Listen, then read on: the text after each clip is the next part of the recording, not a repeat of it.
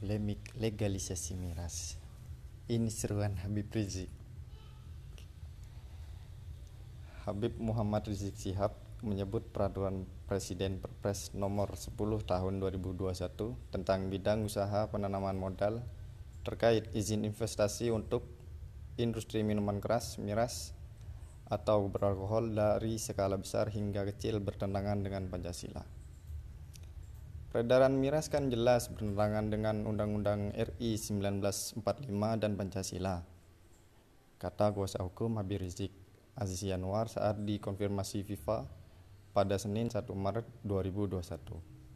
Menurut dia, Habib Rizik tidak membuat seruan kepada seluruh simpatisannya untuk melakukan aksi unjuk rasa sebagai bentuk penolakan terhadap peraturan presiden yang diteken Jokowi pada 2002 Februari 2020. Namun kata dia beliau tetap meng mengkritisinya. Belum ada arahan demo. Beliau fokus kritisi kebijakan yang bertentangan dengan Undang-Undang 45 perihal mencerdaskan kehidupan bangsa dan norma agama. Panca Pancasila pertama di mana seluruh agama mengatur menolak hammer atau minuman keras ujarnya. Diketahui Presiden Jokowi membuat peraturan Presiden Perpres nomor 10 tahun 2021 tentang bidang usaha penanaman modal yang diteken pada 2 Februari 2021. Aturan ini merupakan turunan dari Undang-Undang nomor 11 tahun 2020 tentang Cipta Kerja.